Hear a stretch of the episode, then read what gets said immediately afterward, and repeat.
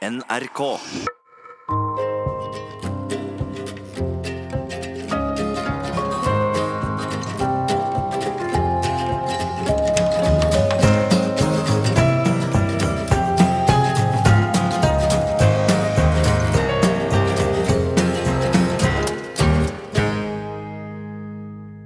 Jeg heter Andreas Ribe og er 45 år. Jeg har nå tilbrakt åtte og et halvt år i fengsel for forsettlig drap. Jeg tok livet til en annen mann. Og mitt liv ble snudd på hodet. Det skulle rokke grunnleggende ved mitt syn på meg selv. Samtidig har jeg fått mange helt spesielle erfaringer i fengsel som jeg må regne med at kom til å prege hele resten av livet. Før denne omveltningen så jeg på meg selv som et godt menneske, en som var åpen, omsorgsfull og glad i andre mennesker. Jeg vokste opp i en liten bygd i bibelbeltet på Sørlandet med en ganske beskyttet bedehustilværelse. Her var det alltid mange mennesker rundt meg som brydde seg om meg. Men det ble nok likevel litt trangt, så jeg brøt med kristendommen i slutten av videregående og begynte å interessere meg for filosofi da jeg tok X-FIL i militæret. Jeg ble så interessert i dette at jeg endte opp med hovedfag i filosofi, hvor jeg skrev om ondskap i moderne tid med utgangspunkt i holocaust.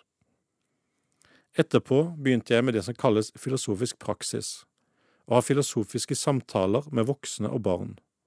Jeg jobbet med det i noen år, og gjennomførte mange filosofiske samtaler, både på skoler og arbeidsplasser. Det var både et morsomt og givende arbeid. Noen år senere studerte jeg film. Å lage film var en drøm jeg hadde hatt lenge. På studiet så møtte jeg ei jente som ble kjæresten min, og flyttet inn til henne. Vi skulle lage lavbudsjett spillefilm. Det var da alt skjedde, og livet ble snudd helt på hodet. Når jeg ser tilbake på disse snart ni årene jeg har vært i fangenskap, er det mange detaljer som blir uklare. Men heldigvis har jeg skrevet en dagbok som blir mitt sannhetsvitne om hvordan jeg har hatt det. Det er en filosofisk dialog med meg selv, om mørke, sinne og anger. Den handler om fangekulturen og de andre fangene som jeg både kjente avstand til og fellesskap med, og det handler om selve fengselssystemet. Dette vil jeg fortelle om i mitt sommer i P2. De siste tre årene har jeg vært på åpen soning, en gradvis tilvenning til å vende tilbake til samfunnet. Jeg har hele tiden brukt tid på å skrive en doktorgradsavhandling i filosofi, som handler om fengsel og straff. Men hva var det som skjedde, hvorfor havnet jeg her, spør du sikkert. Det begynte den dagen i 2010 da alt ble forandret. Jeg havnet i en svært alvorlig trusselsituasjon, hvor eksmannen til kjæresten min oppsøkte oss, og jeg endte med å drepe han. Like etter drapet var det som det åpnet seg en avgrunn som jeg bare kunne forsvinne i. Jeg ble dratt nedover med et voldsomt sug og måtte kjempe for å ikke forsvinne inn dit. Jeg tror det ville være et slags evig mørke hvis jeg ikke hadde kjempet imot, som jeg hadde blitt helt og fullt en del av ondskapen. Etter litt ble jeg pågrepet av politiet og siktet. De første par dagene så satt jeg i glattcelle hos politiet, det var mye lyder fra nabocellene. Den ene sang Negro Spirituals, en annen slo i døren så mye han kunne, en tredje nabo skrek av full hals. Og jeg så for meg drapet hver gang jeg lukket øynene, om og om igjen, som en film på evig repeat. Jeg klarte ikke å tenke eller fokusere. Men jeg hadde heldigvis lært meg en type meditasjon som jeg fikk mye bruk for nå. Og det var det eneste som jeg klarte til å håndtere kaoset med. Etter en måneds tid så slapp det mer taket, og jeg ble etter hvert oppmerksom på omgivelsene mine og situasjonen jeg da var i. Da jeg kom i fengsel, så føltes nesten alt grått, selv om det var andre farger der, sånn som brunt og grønt og blått. Jeg fikk en celle med en tynn skumgummimadrass, en Respatex-pult og en plaststol. En liten slitt 15-tommers TV sto på pulten, heldigvis. Et lite vindu med gitter i, hvor jeg så vidt kunne skimte litt himmel, men ellers så, så jeg bare muren rundt fengselet. En frittstående do rett innenfor døra. Det stanket røyk og en lukt jeg ikke helt kunne plassere, kanskje var det lukten av de som hadde bodd der før meg. Jeg prøvde å nærmest desinfisere cella, vasket vegger og tak, men det hjalp lite. Etter hvert så skulle jeg finne ut at man må bo inn en celle og vaske den om igjen og om igjen, samtidig som man dytter sine egne lukter på den for å nesten å kamuflere luktene som sitter i veggen. På veggen sto det risset inn Tystere skal dø, og flere forskjellige navn, samt en del streker for telling, fire streker med en femte på skrått. Jeg husker godt den første gangen jeg skulle ut blant de andre fangene. Døren til cella ble låst opp, og en høy, skjeggete vakt sa at det var fellesskap. Jeg gikk ganske forsiktig til døren og kikket ut, og der var det fullt kaos. Tykke ståldører som slamret, rasling i store nøkkelknipper hos blåkledde vakter, svette og testosteron. De fleste styrtet ut av cellene, og da de kom ut i gangen, ropte og skrek de, og flere løp. Ganske raskt fikk de øye på meg. Noe av det første som slo meg, var alle de harde blikkene. Først fra vaktene og så fra fangene. Hatefulle, foraktfulle, eller bare forsteinet etter et hardt liv. Det var som det ikke var noen respons der. Senere skulle jeg også lære meg dette blikket, og det handlet nok mest om å ikke vise svakhet. De fleste så veldig kriminelle ut, det var gullsmykker, tatoveringer, store overarmer. Det så farlig ut, så jeg hadde mest lyst til å gå tilbake på cella og lukke døra. Men jeg hadde et veldig behov for å prate med noen først og fremst om det jeg hadde gjort. Det handlet om å bekrefte at jeg var et menneske, tross alt. Jeg prøvde å snakke med vaktene, men de snakket heller til meg på imperativsform, kommanderte meg videre eller latterliggjorde meg, enn å høre på meg. Ganske raskt så innså jeg at jeg måtte være i fellesskap med de andre innsatte hvis jeg skulle ha noen å snakke med. Flere fanger kom bort og lurte på hvem jeg var. De lurte på hva jeg satt for, og noen var nesten aggressivt pågående med å spørre. Jeg forklarte dem hva som hadde skjedd, og noen spurte enda mer, men de fleste ga seg. Senere skulle jeg lære hva denne voldsomme interessen for medfangers dommer handler om. Det handler om å skille ut de som sitter for pedofili og sedelighet. De blir en slags pariakaste som man ikke snakker med eller forholder seg til, mens andre dommer er godtatt. Etter en liten stund kom en smilende hyggelig fyr fra Somalia som kalte seg Kongen, han ga seg til å forklare litt om avdelingen og sa at hvis jeg trengte litt mat, så skulle jeg få en pakke egg og litt pålegg av han. Jeg hadde ikke noe mat, så jeg var takknemlig for det og tok imot. Han sa jeg bare skulle komme til ham hvis det var noe jeg lurte på. Jeg kjøpte også tobakk til en desperat polakk, og regnet ikke med å få pengene igjen, men en uke senere så betalte han meg tilbake. Men det var også tydelige tegn på menneskelig forfall. Alle fangene var shabby de som hadde vært der lenge, fortsette å gå i joggedressene de hadde fått utdelt første dagen, selv om de var blitt svært skitne. Mange vasket seg ikke og luktet vondt lang vei. De fleste lå bare passivt på cellene og så på TV og spiste så mye de kunne hele dagen. Skulle jeg også bli sånn? Det slo meg at jeg kunne trenge beskyttelse, for flere fanger virket skumle og ustabile, Derfor ble jeg allerede første dag venn med den største mannen på varetektsavdelingen, en diger torpedo fra Norge, i midten av 20-årene. Han viste seg å være en veldig hyggelig kar å prate med, selv om han nok hadde kort lunte. Vi to og en til dannet et matlag, hvor vi daglig lagde mat sammen. Han hjalp meg også ganske tidlig i en slåsskamp mot en stor kurder som prøvde å ta meg. Den første tiden var det generelt en del trusler, småslåssing og knuffing, og i starten var jeg veldig åpen, på sett og vis meg selv. Jeg snakket med alle og prøvde å høre på historiene deres og forstå hvem de var. Og på samme vis med vaktene. Selv om jeg hadde hatt noen dårlige erfaringer med vaktene, så tenkte jeg hele tiden at det bare handlet om at det var noen enkeltpersoner som ikke egentlig burde hatt en sånn jobb. Jeg merket at det var to sett av regler eller væremåter. Den ene når vaktene var der, og den andre når det bare var oss fanger. Og det var radikal forskjell. Når det bare var oss fanger, handlet det nesten bare om kriminalitet. Og hos noen av de som hadde vært mye i fengsel, så handlet det om å lære oss ferskinger hvordan man skulle oppføre seg i fengsel. Første bud var å ikke tyste. Altså ikke si ifra til vaktene hvis noen innsatte gjør noe de ikke har lov til, eller forteller om noe kriminelt. Det var et bud jeg forsto at jeg alltid måtte holde. Det hadde jo stått på veggen i den første cella. Tystere skal dø. og jeg forsto med tiden at min egen åpenhet og nysgjerrighet gjorde meg sårbar. En av måtene de kriminelle fungerte på, var å utnytte tillit. Utgi seg for å være interesserte, men egentlig bare ville snakke med meg for å finne ut om det var verdier som kunne lures fra meg, eller tjenester som kunne utnyttes.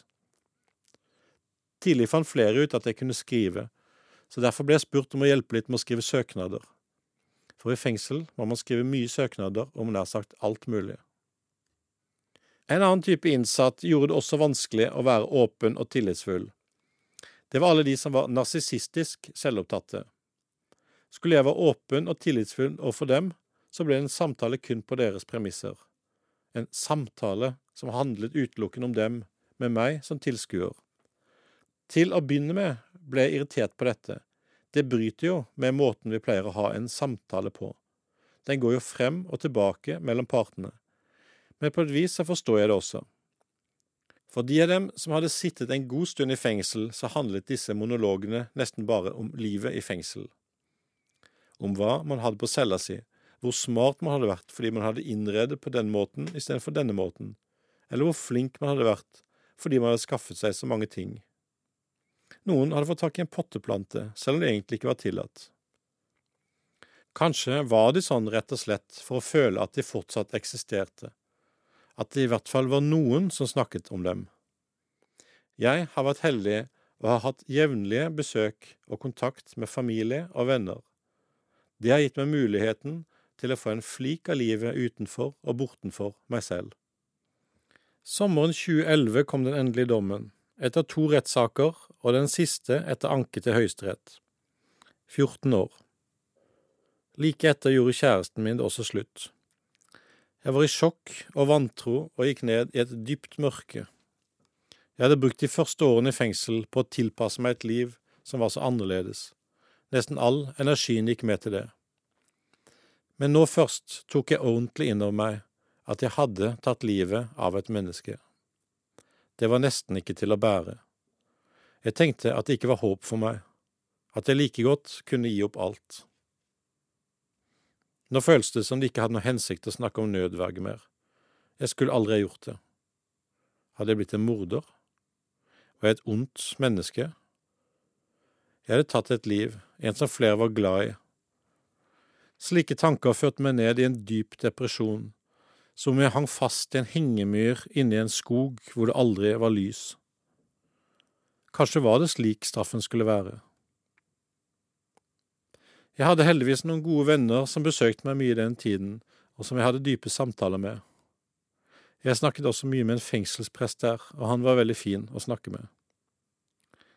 Et eller annet sted nede i den hengemyra med bunnløs anger og fortvilelse, så gikk de selvdestruktive tankene over i noe annet.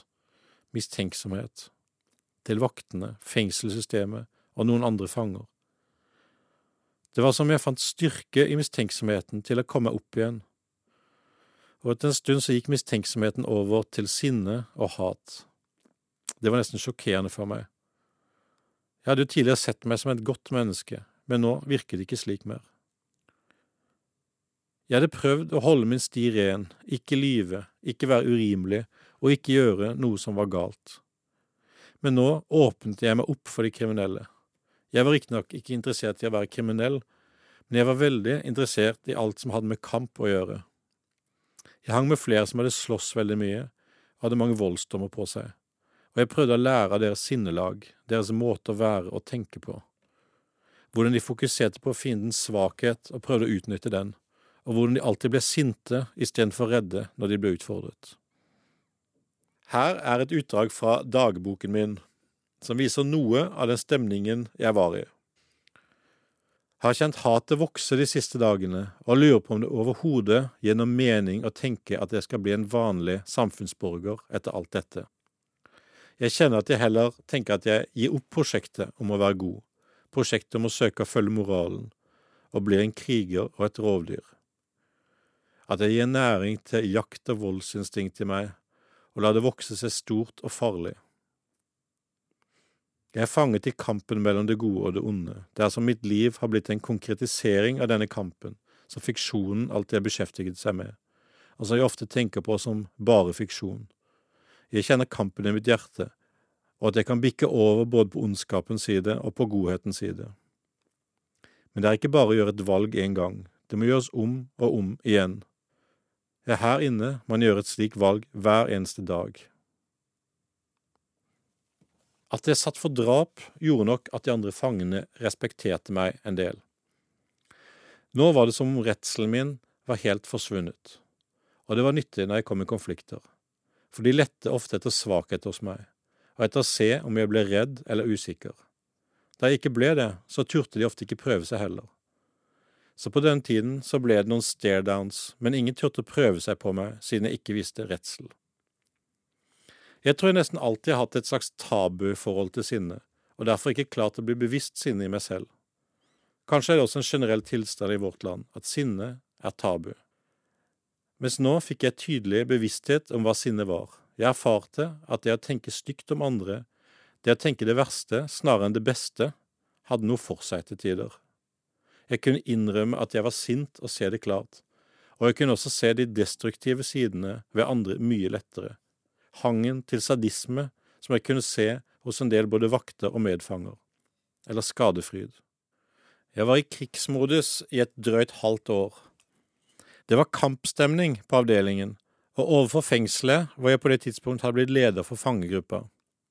Vi kjempet en kamp for å vise at fengselet ble drevet på en måte som var i strid med loven fordi de strammet svært inn på reglementet, og fordi de ikke ga goder som fremstilling og permisjoner som andre fengsler gjorde. Jeg skrev masse klager både til fengselet og til instansene over fengselet. Den kampen og sinnet som fikk utløp, ga mitt liv retning og mening en stund. Men etter hvert kjente jeg at jeg ble sliten av å krige, og desillusjonert når det gjelder hva man kan få ut av det. Vi hadde ikke oppnådd noe som helst på alle klagene eller på møter med ledelsen. Jeg trengte å koble helt ut og få et miljøskifte. Og det kom sommeren 2012, da jeg etter å ha søkt fikk flytte til et annet fengsel. Cellene der var ganske annerledes enn det eldre fengselet jeg hadde vært i. De var laget nesten helt støyisolerende. Endelig fikk jeg kjenne stillhet igjen etter to og et halvt år. Jeg hadde blitt så urolig av alle lydene, all støyen, for det var aldri helt stille i det gamle fengselet. Siden det var et ganske nytt fengsel, luktet det heller ikke så mye. Der var det lettere å slippe ned garden og slappe av. Og best av alt, det var store vinduer med skuddsikkert glass uten gitter i og en vinduskarm jeg ofte satt meg i. Her er et utdrag fra dagboken min om det. Det gjør godt å sitte her i solen i vinduskarmen og se ut på skogkrattet nedenfor og skogen bakenfor muren. Det er som de vakre sidene ved livet åpner seg langsomt for meg igjen. Mens sola varmer meg opp og fyller meg med en god og behagelig stemning. En stemning av håp, ro og harmoni, og en tro på at ting ordner seg bare man finner tilbake til denne roen. At ingenting haster, at det ikke er grunn til å kave og mase, men snarere bare sette seg tilbake og ta imot. Men så kikker jeg på klokken og ser at den er mindre enn ti på halv. Og da kommer vaktene snart inn for å spørre om lufting, så jeg tror jeg bør gå ned fra vinduet, slik at ikke de begynner å problematisere det og skal ha det til at de planlegger rømming. Jeg vet jo av erfaring hva slags paranoia vaktene hele tiden er i. Setter meg tilbake på stolen ved pulten og får vel sitte slik frem til luftingen. Det går greit, utsikten er ganske bra fra stolen også, og i tillegg har jeg utsikten bortover så friskt i minnet at jeg ser det fint for meg, og den gode følelsen av sola sitter fortsatt i. Nå var jeg endelig borte fra alt tidligere bråk og kriging, og bestemte meg for at jeg ikke skulle ha konflikt med verken fengsel, vakter eller medfanger mer. Jeg skulle unngå å svare tilbake uansett hva vaktene sa, ikke protestere eller yte motstand. Jeg bestemte å slutte å skrive klager, og ikke be om begrunnelser for deres absurde ideer og oppdiktede regler. Jeg hadde for lengst forstått at ingen vakt tåler å bli motsagt eller utfordret på noe de sier. Man må jatte med. Jeg vil heller ikke ha konflikt med mine medfanger. Jeg kom tilbake til meditasjon og fikk mer ro til å skrive dagbok. Jeg ville komme i kontakt med min grunnstemning og med de følelser jeg hadde, så jeg skulle skrive ut så fritt og usensurert som mulig. Jeg søkte inn i dypet av meg selv, i mine mørkeste kroker. Her noe fra dagboken. En ting som stadig slår meg når jeg ser i speilet, er at det virker som øynene mine er døde. Jeg pleide alltid å ha så levende øyne, men slik er det ikke mer. Øynene mine er døde. Det er ikke noe liv der inne. Det er flathet, fravær, kanskje et lite snev av tristhet, men ikke noe liv eller gnist. Og derfor virker smilet mitt tomt, som mange andre som har sittet en stund i fengsel, et rynkete, sjelløst smil, uten at man føler at det er noen der inne. Jeg heter Andreas Ribe. I mitt sommer i P2 forteller jeg om min lange soning som drapsdømt fange i norske fengsler. Selv om det var rolig og stille i det nye fengselet, så var det mye strengere og mer kontroll enn det forrige fengselet jeg var i. Underlige regler som måtte følges, stadig kontroller. Et disiplinregime. Jeg opplevde det som krenkelser. De kunne forandre regler uten at vi ble informert på forhånd. En uke var det forbudt med salt på cellene. Cellene ble ransaket, og de fant salt hos alle. Vi måtte forklare om hvorfor vi hadde smuglet eller gjemt unna salt, når salt uken før var lovlig. Neste uke var det grøntkrydder som plutselig var forbudt. Samme opplegg. Besøksmulighetene ble redusert til en minimum, og det var svært ukoselig for de som kom for å besøke oss. Det førte til at mange relasjoner forvitret. Fra fengselets side tenkte de vel på som et spørsmål om sikkerhet, men for oss innsatte føltes det som det var paranoia som styrte. Det var vanskelig å få tid og ro til å skrive, men krenkelsene ble en del av det, og jeg skrev dem ut av meg. Men det føltes som jeg mange ganger bare så vidt klarte å holde hodet over vannet. Jeg kom etter hvert på en avdeling der vi skulle tilpasses mer samfunn på utsiden, og forstyrrelsene avtok. Utover våren begynte jeg å komme mer i kontakt med skyldfølelsen min, og det var både skremmende og tungt, men det føltes samtidig riktig. Sommeren 2014 så fikk jeg tilbud om å delta på et klosterlignende retreat i fengselet. Det var noe i det som appellerte til meg, en mulighet til å få hjelp med alle de vanskeligste tingene, og en mulighet til forsoning. På denne retreaten skjedde det et stort vendepunkt for meg i et forsoningsritual. Det skjedde sånn. Jeg skrev ned ærlig og usminket mine synder om kvelden før resten av ritualet. Jeg kjente på sterk anger hele den kvelden. Jeg kjente at jeg skulle ønske det var ugjort, det som skjedde for fire år siden. Og jeg tillot å slippe angeren helt til. Kanskje fordi jeg visste eller hadde fått beskjed om at vi skulle få hjelp til å komme ut av angeren, vi skulle ikke bli værende i den. Dagen etter brettet vi sammen arkene med bekjennelser på og puttet dem i en konvolutt. Her er et utdrag fra dagboken om hvordan selve ritualet var. Etter vi hadde hengt konvoluttene på korset, tok vi alle med oss hver vår og stilte oss i en ring rundt en sinkbøtte ute i luftegården. Der ga presten oss tilgivelse for våre synder på vegne av Gud, mens han la hånden på skuldra vår. Så kastet vi konvolutten med bekjennelsene våre på ned i sinkbøtta og da alle konvoluttene lå der, tok vakten tennvæske på dem og fyrte opp. Der sto vi i ring rundt syndene våre og holdt i hendene og så den gå opp i røyk, for så langsomt å forandres til en få gram aske. Det var godt og frigjørende å se. Jeg følte jeg langsomt og i takt med brenningen ble kvitt mine synder. Som de rent faktisk først lå i konvolutten, ble hengt opp på korset til spott og spe, for så endelig å ende oppbrent til aske. Jeg la merke til, da jeg begynte å formulere mine gryende bønner, at jeg også ble veldig på gråten. Jeg hadde egentlig lyst til å bare sette i gang med å gråte, men jeg kunne nesten ikke det med alle de andre rundt meg, så jeg holdt det i meg. Jeg klarte å hindre at det rant noen tårer, men i stedet begynte det å renne ned i nesa, og jeg ble stående der og snufse. Etterpå klappet vi alle, og det virket som de aller fleste var blitt mye lettere, jeg følte meg iallfall slik, og gleden i flere av de andre sitt ansikt så det også slik ut. Da jeg skrev dette i dagboken den dagen, hadde jeg allerede begynt å kjenne at jeg hadde fått en ny kontakt med det religiøse, og den troen jeg hadde forlatt i ungdommen. Nå kom det gradvis tilbake, og det ga meg håp. Jeg forventer ikke tilgivelse fra pårørende, men dette ritualet ble viktig for meg. Nå sitter jeg på åpen soning. Jeg kan bevege meg friere og har brukt tiden på å skrive doktorgradsavhandling i filosofi som jeg snart leverer. Alle disse årene i fengsel har gitt meg mange erfaringer. De må jeg ta med meg videre, enten jeg vil eller ei. Den viktigste er kanskje dette, at godt og ondt ikke er abstrakte begreper, men noe som angår oss som personer også i samfunnet. Jeg håper jeg med dette programmet bidrar til å vise frem at norske fengsler bedriver en straffeform som gjør de innsatte til underdanige, sinte, og ikke rehabiliterer dem til å bli gode samfunnsborgere. Ja, samfunnet skal straffe forbrytelser, og de som har gjort gale eller onde handlinger, må sone og stilles moralsk ansvarlige. Men veien til det går ikke, etter min mening, gjennom krenkelser og systematisk nedbrytning. Og jeg tror mitt eksempel er talende. Lenge tok jeg ikke inn over meg alle sidene av drapet jeg hadde gjort. Jeg klamret meg fast ideen om at dette var et moralsk legitimt nødvergedrap, selv om domstolen mente noe annet. Det var som jeg ikke ville slippe det, og som det hadde blitt en illusjon om at jeg var en god person.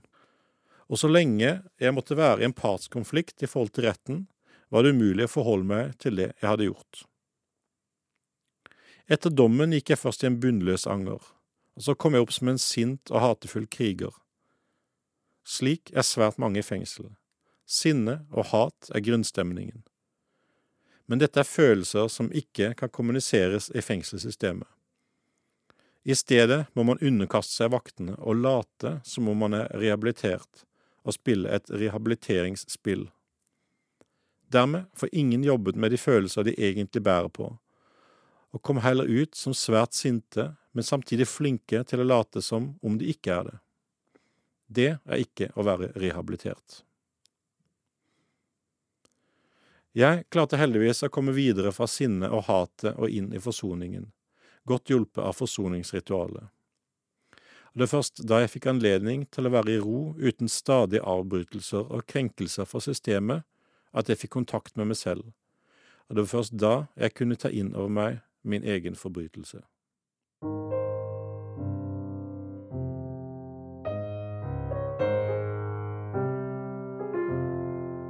NRK.